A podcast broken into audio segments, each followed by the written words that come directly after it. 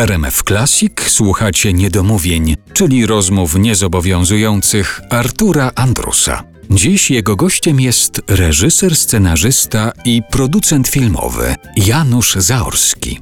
Czy twoi bliscy, znajomi, przyjaciele lubią oglądać z tobą filmy w kinie?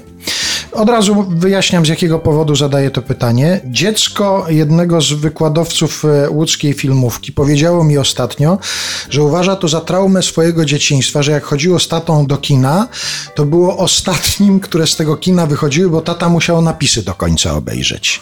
Też masz tak, że musisz zawsze E, obejrzeć tak, napisy tak, do końca? Tak, tak, i to trzeba uhonorować w ten sposób pracę całej ekipy, nie mówiąc o tym, że teraz e, jako ostatni napis są podane nazwiska osób, o ile film był e, sponsorowany przez Polski Instytut Sztuki Filmowej, a 90% filmów kinowych jest sponsorowanych, to jestem ciekaw, kto był w komisji, która ten film zaakceptowała. Zatwierdziła. Obojętnie od tego, czy mi się podobał, czy nie podobał, może nawet bardziej wtedy, kiedy mi się nie podobał.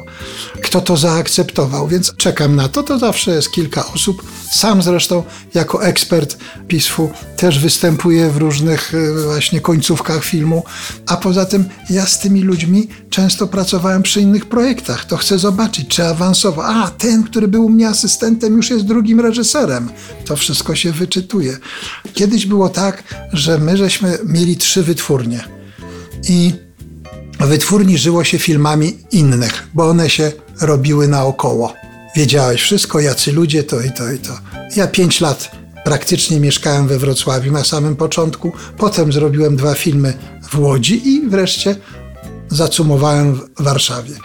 Teraz produkcje są gdzieś rozłożone. Prasy papierowej nie ma, trzeba śledzić nowinki filmowe w internecie, żeby wiedzieć, kto co robi.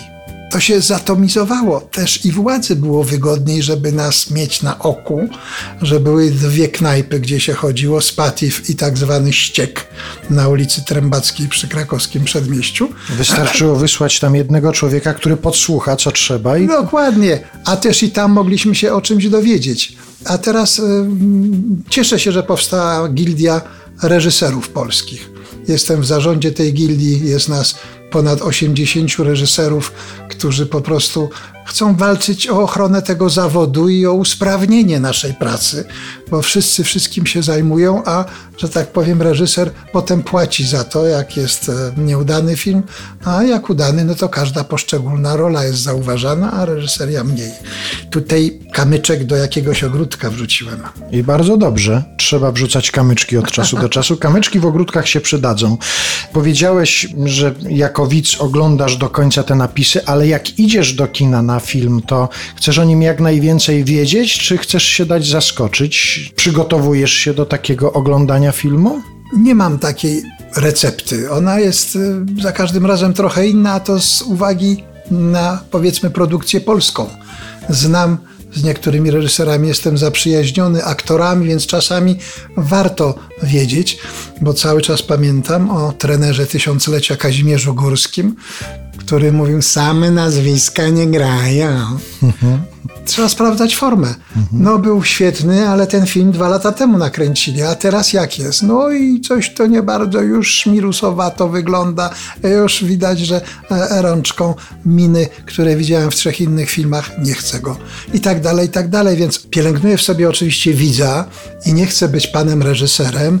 I jeśli na początku moją małżonkę troszkę za, może zamęczałem, mówiąc, zobacz, tutaj na pewno będzie to. No, jak doszło do takiego miejsca, to wiesz, co będzie, a ona mówi, nie mów.